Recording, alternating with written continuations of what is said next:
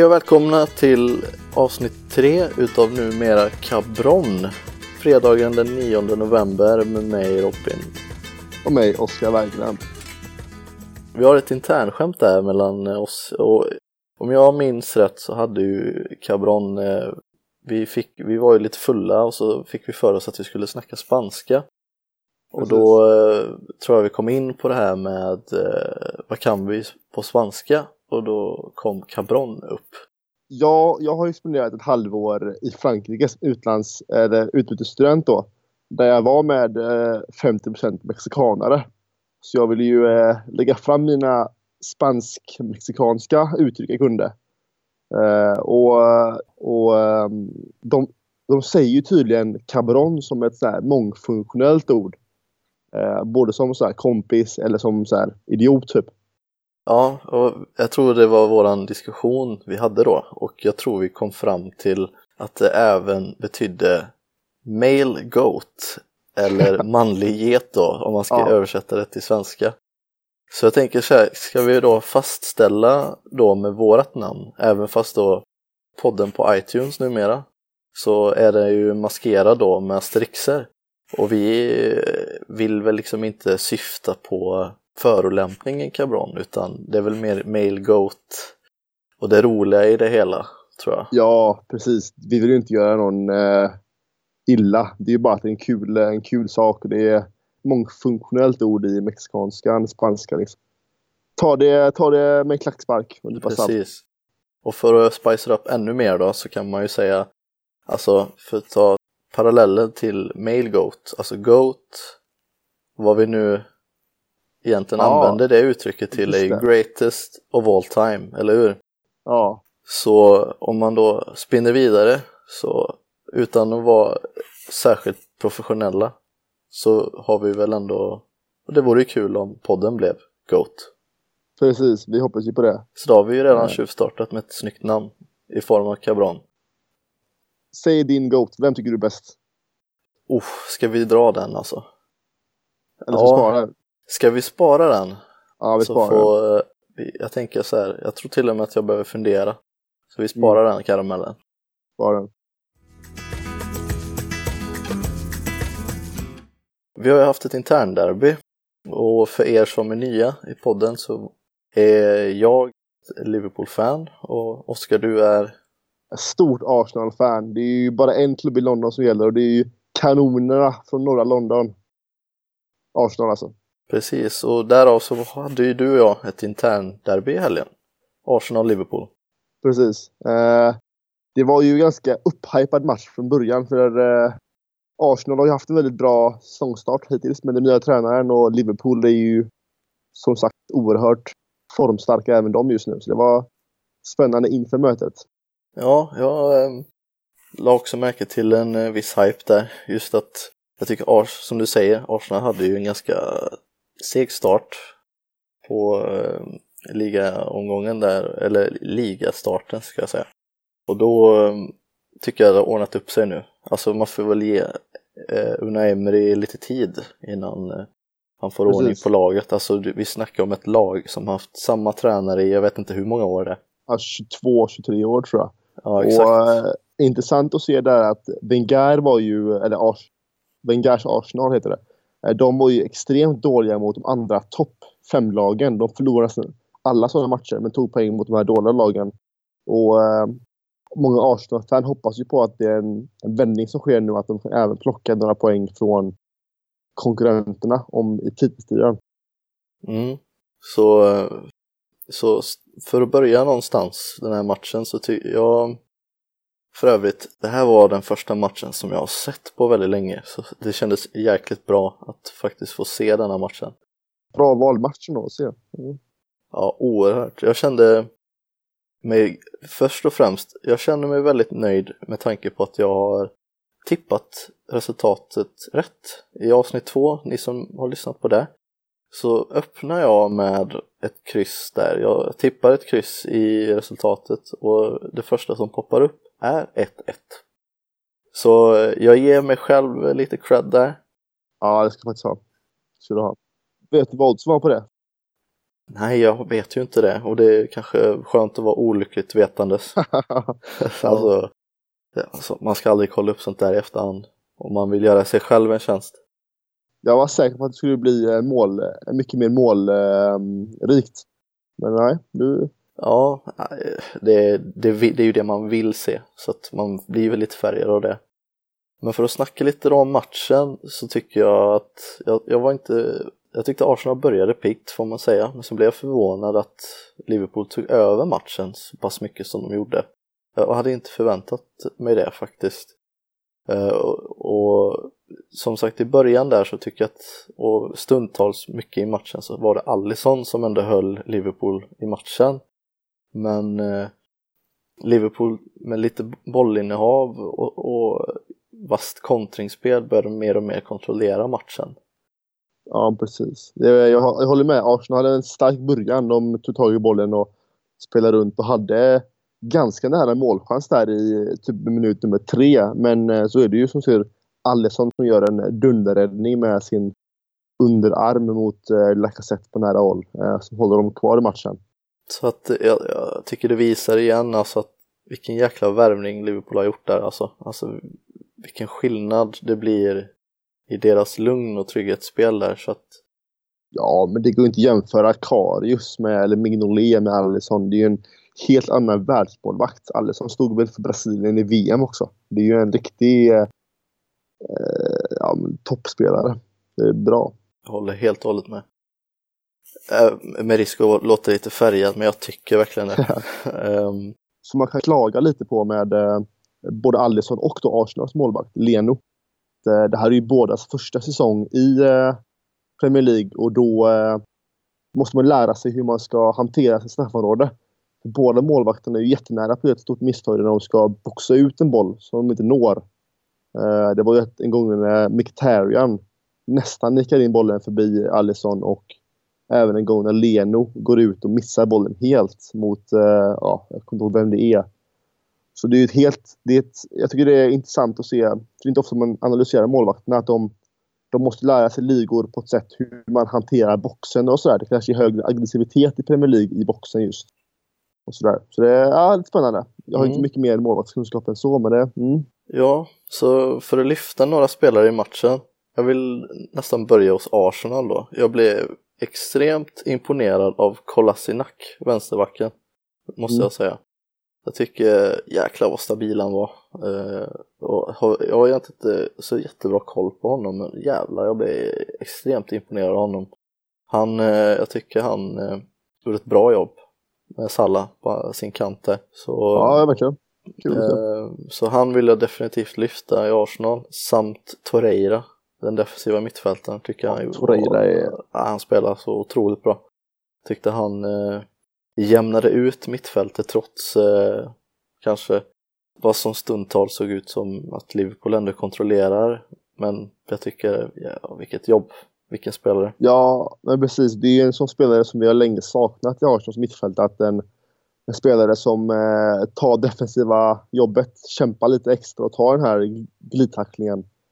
Eh, vi har länge bara haft finlirare som eh, ja, men Xhaka och Özil då. Men så kommer det in en Torreira som kör lite mer eh, grovjobbet. Så det, det, det lönar sig nu stort. Ja, jag tycker, jag, jag tycker alltså man ser eh, hur han avlastar Xhaka. För Xhaka känns inte som att han riktigt fixar att köra det defensiva spelet i en hel match liksom.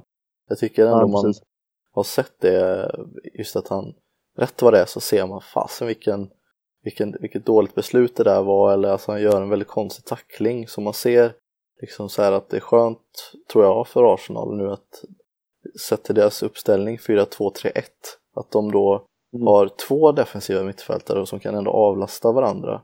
Och um, ja, jag tycker det, det ja, det, jag tror det har en stor betydelse i att att, att det har att göra med att Liverpools första mål kommer ändå så pass sent det, fick, mm. det skulle mycket till liksom för att Milner skulle, skulle trycka in 1-0. En sak vi har glömt eh, snacka om hittills är ju det här eh, offside-målet. Som egentligen kanske inte var offside. Det domartabbe där. Ja. Om du minns det. När det är ju eh, Liverpools högerback är väl Trent Arnold som slår ett inlägg till mot Mané som är offside men Firmino springer före och tar den, skjuter till stolpe. Tillbaka till Mané som då inte är offside och lägger in den. Men eh, domaren blåser ju offside för att eh, han tänker väl att eh, Mané är med och stör målvakten i första läget. Men han får ju aldrig bollen och då är väl regeln egentligen att eh, när Firmino rör bollen och skjuter stolpe till då man är som inte är offside, då borde, inte, då borde det inte bli offside. I och med att det är en andra läge. Liksom. Så det är lite snopet. Ja, jag tycker väl det där visar väl lite på att många regler är, verkar vara tolkningsbara. Alltså det är inte sådär jätteklart och det är väl det som är väldigt kul ändå med fotboll, att helt plötsligt uppstår situationer och då märker man hur expertkommentatorerna till och med bara sen, oj, eh, vad gäller här egentligen? Nu får vi nog skicka frågan vidare till eh, panelen där uppe liksom. Ja, exakt. Så, men jag, jag, jag tycker väl, alltså när man ändå såg reprisen att man är, är ju med och stör. Jag köper att man blåser offside för den. Visst, man kan alltid ifrågasätta det. Men han tvingar ju eh, målvakten att agera på ett nytt sätt och inte, och inte bara gå på Firmino då. Utan han är med och eh, tar lite uppmärksamhet och måste hålla två vinklar, ish, målvakten. Och då blir det ju svårare. Annars är jag sjukt impad av eh, Liverpool då som, eh, alltså de, eh, jag tycker om deras mittfält. De är, verkligen eh, bra balanserat nu. Även om det var Fabinhos första stora match va? Ja, han, han har ju spelat Champions League nu så att om jag inte minns fel nu, jag kan ha fel, men jag, jag tror att det är väl första ligastarten och på åtminstone en av de första mot ett topplag. Ja. Så det visar ju att Klopp börjar få förtroende för honom och väljer honom framför vad det då Precis. blir Henderson om jag tänker rätt. Jag tycker att eh, med han på deras mittfält så blir det lite mer, eller deras mittfält överlag med eh, Wijnaldum, eh, Fabinho och Milner. Ja, Milner. De, alltså det är tungt mittfält alltså. Det är inget mittfält man lätt eh, bryter ner. Och, eh, du är väl fan av Milner, har jag för mig? Ja, det har du helt rätt i, Oskar. Ja, alltså du pratar om en kille som, han är rutinerad, han, han är 32 år. Men se, syns det? Syns det att den här killen är 32 år? Verkligen inte. Han är kanske den som köttar mest i det laget. Alltså visst, jag kan nog ärligt säga att han har varit kanske Liverpools bästa spelare hittills. En av de ja. bästa, garanterat. Och eh, kanske ganska otippat hos kanske alla. Han är en sån där spelare som man förväntar sig vara bra, men kanske inte bäst. Exakt, exakt. Han är inte den som gör den sista avgörande passningen eller dunderdribblingen och mål på det, utan men han, han, gör ju, han låter ju andra spelare bli bättre, om man säger så. För er som vill ha kanske ett billigt alternativ, ta en kik på Milner. Där har du en spelare som tar straffar, han tar hörner, ja, gör jävlar, mål. tar straffar. Han, ja, han tar ju straffar också. Och han, han gör ju mål utan, alltså, vi såg ju i den här matchen, så han tar ju en retur kan man väl säga. Så att helt klart en spelare som man borde kika på om man är lite osäker på vilka mittfältare man ska ta in och sådär va. Och eh, det, det jobbiga är att, eller inte så jobbigt för eh, man har ju ändå inte tre andra Liverpool-spelare. Man har väl Sané eller Salah och så kanske ändå en back som eh, Robertson. Precis. Så har, man, så har man en plats kvar då. Ja, pröva, pröva Milner. Mm. Jag håller med. Så att eh, definitivt kika på det. Så jag tänker, ja, vi kan väl avsluta denna matchen med att bara nämna att hyllningen till Leicesters ägare innan matchen var väldigt fin. Mm. Trots eh, det var ju väldigt tragiskt det här och självklart och även som en liten sidnot där så tycker jag att det var härligt att se att, Le att Leicester vinner sin match. Ja men precis, det är ju en det är en ägare som inte bara är en klassisk fotbollsägare eller fotbollsklubbsägare. Det är en ägare som verkligen bidrar till eh, Leicester som stads utveckling. Han har väl har jag läst. Han har ju eh, donerat massa pengar till universitet och bibliotek och eh, liknande organisationer. Så det är verkligen ett stort tapp för hela staden och då, då känns det ju mer än om det bara skulle vara en ägare som kan pumpa in pengar för att laga det som ett företag. Absolut. Så jag tycker eh, Schmeichel visar det lite grann i hans känslor och sådär. Att, att en spelare känner så starkt för en ägare säger ju väldigt mycket om honom som ägare tycker jag. Vad han ändå hade för påverkan på det laget. Så um, förhoppningsvis så ser vi inte något sånt mer på ett bra tag. Vi hoppas ju se mer sådana ägare men mindre sådana olyckor. Exakt.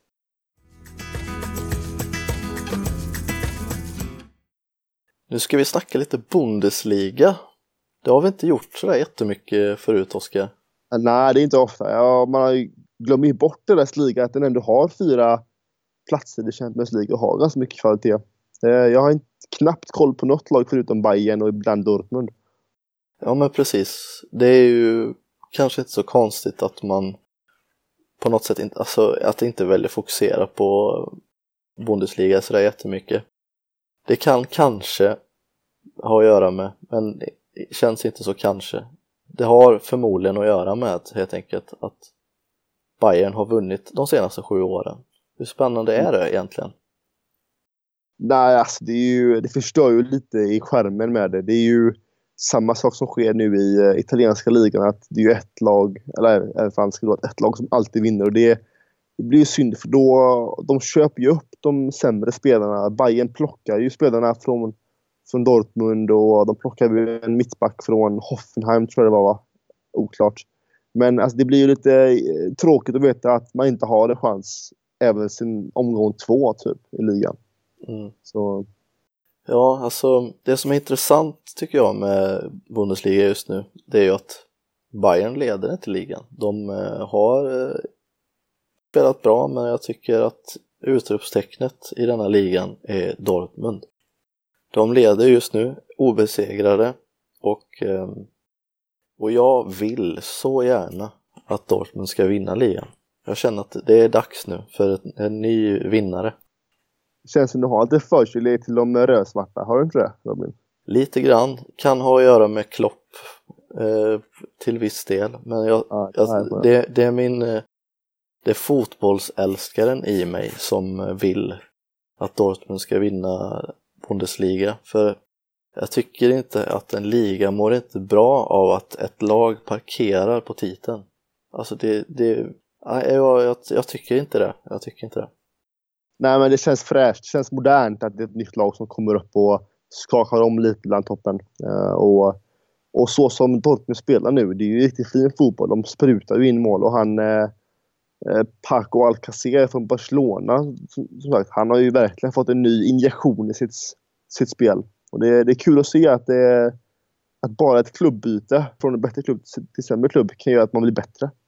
Ja, ja verkligen. Jag tänker, undrar hur Barca resonerar där. Visst, du har eh, Suarez, men alltså att se den utvecklingen, alltså det kan det vara ett, ett bättre utlåning egentligen? Jag har svårt att se det.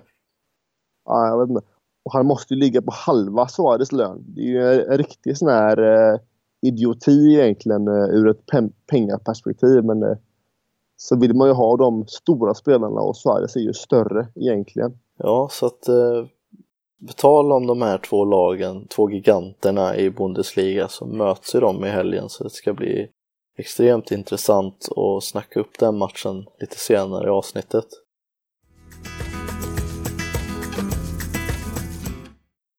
Någonting som jag tycker är väldigt intressant att prata om egentligen, det är ju att Neuer, Manuel Neuer, målvakten i Bayern München, är ju för vissa världens bästa målvakt. Men eh, han har varit lite oigenkännbar det senaste. Jag tycker jag läste på en artikel om att han hade statistiskt sett fått åtta skott på sig och släppt in alla dem.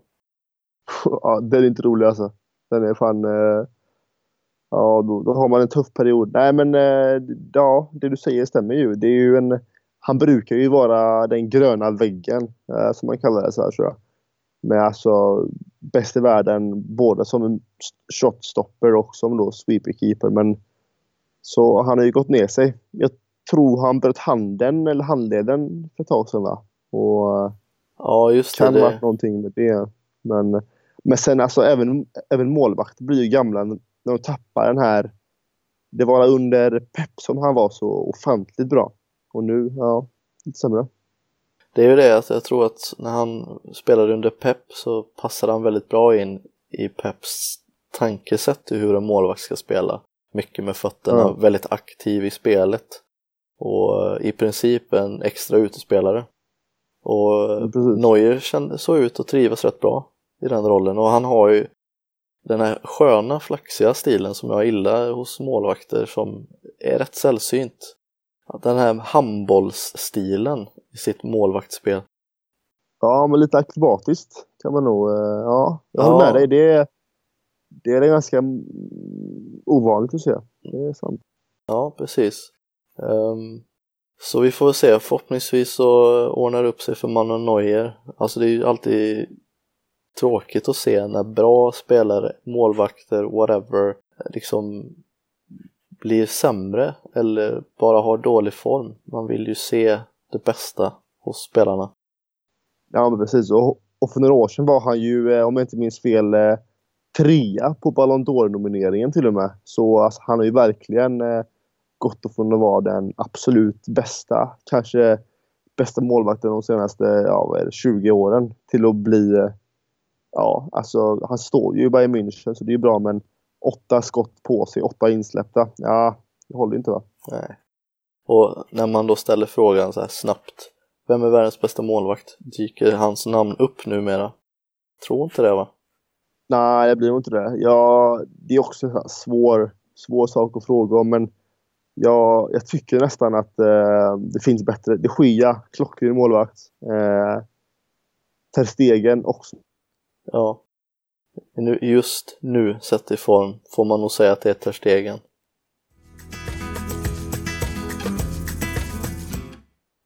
Ja, nu i helgen så har vi ganska många dundermatcher som väntar. Eh, jag, jag kan ju egentligen rada upp dem här. Vi brukar börja i England när vi brukar prata om matcherna så att det tänker jag att jag gör nu också. Vi har ett London-derby, Crystal Palace mot Tottenham. Ett Manchester-derby på söndag. I Bundesliga har vi Dortmund-Bayern och Italien Milan-Juve. Och sist då i Liga A har vi Monaco-PSG. Så jag tycker vi börjar i England som sagt. Så Ja, Oskar, jag tänker så här, skickar över bollen i och med att du är ju Arsenal-fan och här har ju du två rivaler som möts i ett derby. Vad vill du säga om matchen? Ja, det är ju... Först så är det ju en, eh, det är ett svårt derby just nu. För eh, Tottenham har inte gått så bra nu i ligan. De tar ju sina poäng, men det ser inte så stabilt ut i spelmässigt sett skulle jag säga. Eh, men sen är de ju några steg bättre än Crystal Palace på en dålig dag, även de. Uh, inte helt koll på vilka spelare som är tillbaka. Jag tror Al, Deli Ali är skadad. Stort avbrott för dem. Uh, Eriksen tror jag spelar nu. Så han är ju viktig för dem. Men uh, det, alltså, det finns ju inget som säger emot att Tottenham vinner matchen egentligen. Uh, så jag ska känna av vibbarna lite här i London-trakterna och se, komma med en analys senare. Ja, om du fick välja så skulle kanske ingen av dem vinna. Men, Ja, precis. men Mm. känner du så här, känner du någon extra rivalitet mot ett, något av lagen? Ja, mot Tottenham definitivt. Det är ju Arsenals stora rivaler. Och uh, nu, uh, det var ju för några år sedan så hade vi kommit före Tottenham 20 år i ligan i sträck. Och nu de senaste åren har vi kommit efter dem. Så det gäller ju nu att vi visar vem som... Det gäller ju att vi kommer före Tottenham. Så jag vill ju att Crystal Palace vinner. Jag har ju inget agg emot Crystal Palace egentligen, men Tottenham får ju inte vinna. Alltså kunna komma före oss i ligan. Så nej, Tottenham skiter vi ner kan jag säga. Ja, alltså på pappret så är ju Tottenham ett bättre lag. Mm. Det kan man inte förneka. Som du sa, de har ju ganska dålig form så jag tycker väl att vad som helst kan ju ändå hända här. Jag tycker ju Crystal Palace har ju eh, intressanta spelare i form av typ Zaha och mm. eh, eh, jag tror det är Saku och eh, jag gillar vänsterbacken med Van Bissaka. Ja, ja, han är riktig eh, kärlek hos mig också. Alltså offensiv, ung, eh, ja, stabil vänsterback. Ja. Och vi får inte glömma Christian Benteke, den gamla Liverpool-liraren. ja, just det. Är han i eh, Crystal Palace nu eller? Ja, det är han. Det är han. Och han, han är sån här, eh, han kan ju bara få helt plötsligt till det i en match och göra ja. en vissa exempelvis. Det gjorde han i Liverpool. Precis. Och eh, Bentekes potentiella storspelande plus eh, Hugo Loris potentiella eh, dåligt spelande. Det kan ju eh, innebära snabba förändringar i matchen. Absolut. Hugo Lloris är en sån spelare som eh, kan vara världsbäst ibland och nästa match så är han eh, bakis, typ. Ser ut som. Så det, mm. Ja, så att det är väl en av de mindre intressanta matcherna egentligen som kommer i helgen så vi behöver kanske inte fokusera allt för mycket på den. Vi båda Nej. tror att Tottenham vinner och det borde de göra så att jag tänker så här, vi lämnar den och så går vi vidare på den andra matchen i England som är lite intressantare. Ja. Några snäpp större va? Och det är ju eh, ja, Manchester-derbyt då på söndag. Och som du sa så var det väl hemma hos City. Så på eh, Etihad Stadium. Och eh, City bara gasar ju på. 6-1 nu i helgen mot, eh, eller förra veckan då, eh, mot Southampton. Inte riktigt samma kaliber som United men jag känner ju att City vinner men det är något med United som gör att de är svårspelade även för en eh, som stor eh, konkurrent som City. 6-1 eh, mot eh, Southampton är ju kanske inte sådär jätteimponerande sett till deras ja, deras kaliber. Kaliber, ja, precis. För, men här har vi ju då kanske ett, också lite ovisst möte för att i ett derby så har lag en tendens att spela över sin förmåga. Och United nu tycker jag har visat en, en liten uppgång. För jag tyckte ju Mourinho var ju ifrågasatt i början och alla undrade vad, vad, vad gör han? Han spelar tråkig fotboll och man märker, det känns som att spelarna inte gillar att spela hans spel och folk börjar snacka om någon spricka och det var, mellan han och Pogba. Det var så mycket prat om att nej men, det är bara en tidsfråga nu innan han får sparken men nu tycker jag att det är, har vänt lite. Ja. Nu hör man inte att folk resonerar så längre. Och jag tror United ligger tre poäng efter Arsenal på en sjätte plats nu. Ja, det är bara så. Det är inte mer. Man känner ju att de skulle kunna legat eh, 17 plats och nedflyttningsstrid, men ja, de tar ju poängen. Precis. Men en, en, en eh, fråga här till dig då. Vad, vad, tror du att tror du det är enklare för United att komma till Etihad och spela än det är för City att komma till Old Trafford på derby? Vilken arena är tyng, tyngst att spela på eh, för motståndarna? Ja, det är en bra fråga. Jag om jag skulle få, jag, ja, man får nästan gissa här, man kan ju inte sätta sig in i deras sits på det sättet, men jag tror ju historiskt sett så måste det vara tufft att komma till Old Trafford. Mm. Jag tror City historiskt sett har haft det tufft där, för de har ju alltid varit lillebror, det sämre laget i väldigt många år. Och nu har helt plötsligt rollerna blivit ombytta. Nu tycker jag ändå, alla kan nog hålla med om i alla fall, att City har ju gått om dem nu. Och ja, ja med de eh, musklerna och det kapitalet så det är inte så konstigt heller. Men United är fortfarande en större klubb. Det får man komma ihåg. Ja, exakt. Och eh, eh det brukar ju vara känt som en sån här mardrömsarena. Jag tror den kallas eh, Theater of Dreams, va? Eh, Old Trafford och några. Och alltså det var ju inte många, man åkte ju inte dit och tog poäng lätt förr. Inte under Ferguson och sådär. Det har skiftat lite nu men ja, jag tror ändå att den är mäktigare att spela på Old Trafford. Ja, så att Etihad känns, känns lite som att den har kanske ingen jättehistoria, inget, inget så här Nej, jag, jag vet inte, det är svårt att motivera men Old Trafford har ju sin historia och jag tror att fansen där de de plockar fram sina ramser om eh, City-supportrarna och sådär så att eh, de, eh, och de har, de vet nu att de sportsligt ligger lite efter nu så då kommer de istället jag tror läktarkampen kommer, vinner ju United. Men visst, Antagligen. nu på Etihad så, ja, jag tror ju snarare att City vet ju att, att de eh, ska ha fördel här vid hemmaplan. Så vi, vi kommer få se ett klassiskt eh, Mourinho som ligger på defensiven här tror jag. Vad tror du blir då? Vem kommer, vinna, vem kommer ur som segrande? segrare? Om jag ska gissa och känslan så tror jag faktiskt att United kommer vinna matchen. Jag tror det? Shit, ja. Ja, just för att jag tycker de har visat en bättre form på sista. Eh, City i detta läget har mer att förlora, så de, jag tror det kommer synas i deras spel.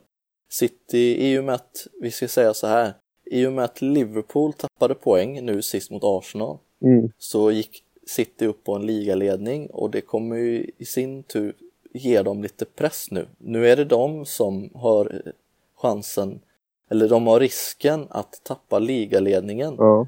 United har fortfarande allt att vinna här nu.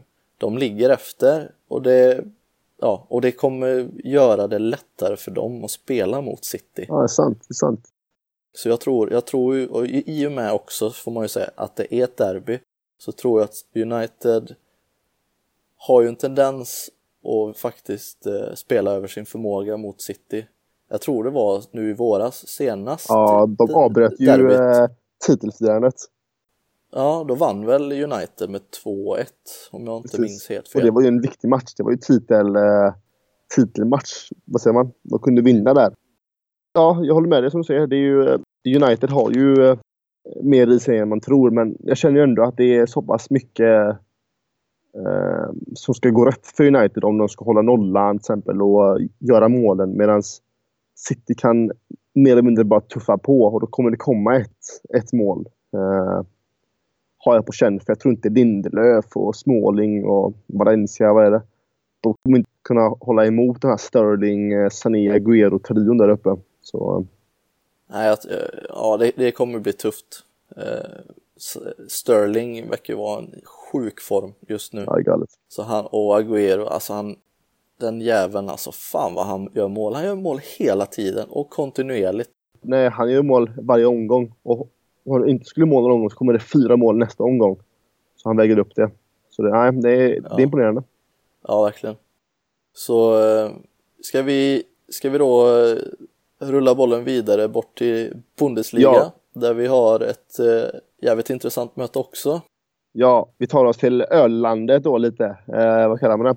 Och som jag, jag tror sagt att det kallas Der Klassiker det här mötet. Och eh, ja, det är ju eh, det största mötet som går att se i Tyskland. Det är ju de två giganterna som har varit eh, ledande i flera år. Och det är ju extra spännande nu i och med att eh, Dortmund det går så bra och Bayern går ovanligt dåligt. Så det är ju en stor chans att Dortmund visar upp sina nya muskler och, det nya maktskiftet i Tyskland.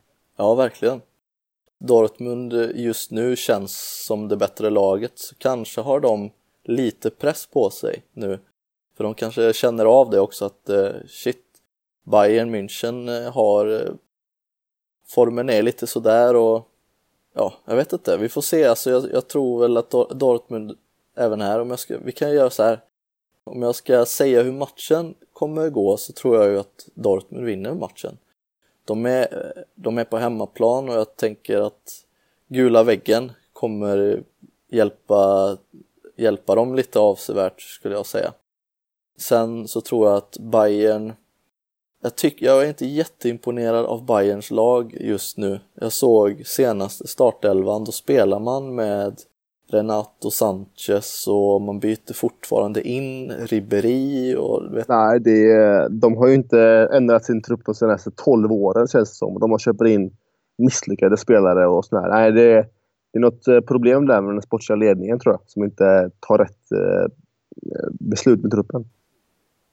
Och jag, jag, jag tror väl att det är det som till slut blir kanske, om det här håller i sig såklart, att eh, Dortmund vinner ligan. Och det har vi egentligen konstaterat eh, i, för, i förra avsnittet att det vore jävligt gött om de gjorde det för ligans skull. Ja, men för hela fotbollsvärldens eh, skull att det är lite maktbyte. För Tyskland är ändå en stor nation och ja, det var, vore, vore kul. Ja, så, så vinner Dortmund det här mötet så kan vi nästan konstatera att Dortmund, fan då har de något på gång här alltså. Då kan man definitivt, definitivt eh, ha dem som ligavinnare här. Då tycker jag vi startar en, eh, en novemberfest i Dortmund för att konkurrera med oktoberfesten i München.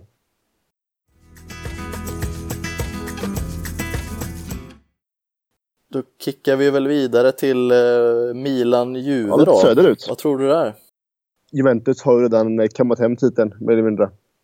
Med... Eh, jag är så, så imponerad över Juventus eh, sportsliga ledning, eller själva klubben förutom tränarna och spelarna. För de, de tar så bra beslut. De köper in spelare som har några år kvar, men till ett billigare pris än på deras peak.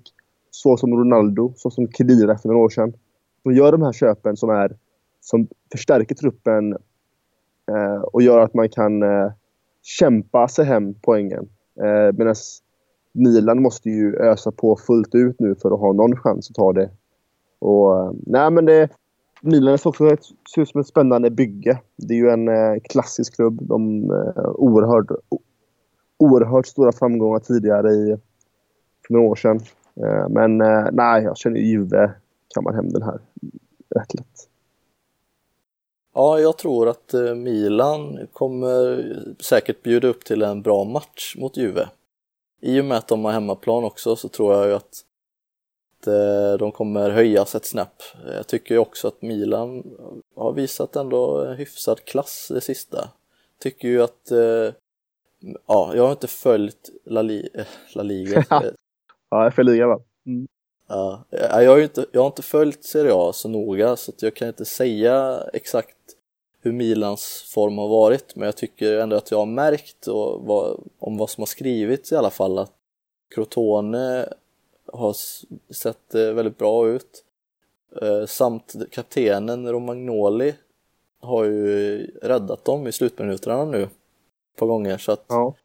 Jag håller med dig. Det är ju ett, eh, det är ett lag som, eh, som, kommer vara, som kommer vara extremt spännande om, om tre, fyra år. Eh, när de har eh, fått in lite mer eh, yngre leden. De köpte ju en mittback nu från Juventus i bytet där med eh, Higuino Bonucci. Eh, som är extremt lovande. Och, ja, det, det kommer vara kul. Och en snabb inflytt till där då. Jag som är eh, Arsenal-supporter. Och jag läste något rykte om idag från någon, eh, tror jag på Fotbollskanalen, att eh, den gamla räven Wenger är, är intresserad av att ta över Milan. Jag vet inte hur eh, troligt eller nära det är, men, ja, men det, han eh, tuffar vidare på sina fotbollsspår, Wenger. Det hade varit lite kul att se honom eh, få ett slags nytt prov, visa vad han kan lite för att Mm. man har sett honom i så många år i Arsenal och han har ju gjort det jättebra där stundstals, det ska vi inte säga någonting om. Men eh, här har han en utmaning alltså. Ja, nej, precis. Eh, men det, är ju oklart hur nära det är eller om det ens kommer hända. Vi får ju se. Det hade varit kul att se Wenger, Wenger i Milan just för den här omväxlingens skull. Och vem vet, alltså han om någon skulle väl i så fall kunna med sin rutin kanske få tillbaka Milan till en liten glans av deras gamla eller forna jag. Ja, och en styrka som jag kom på nu med honom det är att han har alltid gjort ganska mycket med ganska lite resurser. Han, eh, han var inte det laget som spenderar de här miljarderna i Arsenal, men han, han satte sig ju fyra och det är kanske det Milan behöver nu, nu några år. Lite stabilitet och lite kontinuitet så man känner att man får upp en, ett bygge som håller. Eh, så vi får se. Vi får se. Mm.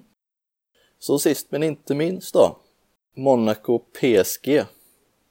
PSG kommer förmodligen vinna den här matchen mot Monaco eh, just för att de är ett bättre lag. Men ja, alltså man ska inte säga så mycket om det. Alla vet varför PSG är favoriter, Ja. de är storfavoriter. Det- Men just det som gör mötet lite extra intressant är ju att Thierry Henry är som en liten, eh, ett litet körsbär på gräddet här. Ja, men så är det ju faktiskt. Är han inte det? Jo, men eh, så är det ju. Och eh, han har ju haft en riktig mardrömsstart. Jag tror de, han har varit tränare i två matcher i ligan nu och han har förlorat båda tror jag. Eh, så det gäller nu att han visar vad han går för. Visst, det är ju för kort att, och bedöma dem på två matcher, tre matcher. Men ja, det, är ändå en klubb som är ganska ekonomiskt stabil, Monaco. Så de borde kunna ha lite mer. Men ja, vi får se. Och det, det tar ju tid att lära sig tränaryrket. Så jag hoppas ju på det bästa för Thierry men den här matchen det tror jag är tungt för honom. Vad, vad, tror du då? Säg, säg vilken match kommer du följa av de här då? Ja, den jag kommer följa genom att titta på den, det kommer vara Manchester-derbyt. Ja, och så kommer jag väl ha lite öga på Dortmund-Bayern just för att se om Dortmund fixar det. Mm. Jag känner ju att eh, Milan-Juve kan ge riktiga eh, så här, eh, supporterincidenter. Det känns som båda lagen kommer vara övertaggade. Milan vill hävda sig, Juventus vill ta tre poäng. Så det, ja, det ska jag ha lite koll på tänker jag. Men självklart kommer jag ju se när City kör över United hemma. Ja, precis. Så med, med det sagt om matcherna inför helgen så tänker jag att vi rundar då av avsnitt tre av Cabron. Och då önskar vi alla lyssnare en riktigt fin helg. Det är ganska snart advent nu, så glöm inte att köpa era adventskalendrar och adventsljus och allt vad ni har hemma i husen. Ja, just det, precis. Oskar, du kanske är lite tidigt ute där, men... Eh, ja, jag, jag anser ju att julen är en eh, längre högtid än den är just nu. Alright, alright. Diskuterbart, men det får vi ta en annan gång. Så återigen till er som lyssnar, tack för att ni är här och lyssnar. Eh, är det någonting eh, ni undrar över eller har synpunkter på eller förslag till ämnen? You name it. Vi vill jättegärna att ni kontaktar oss. Så ni kan mejla oss på cabronpodd gmail.com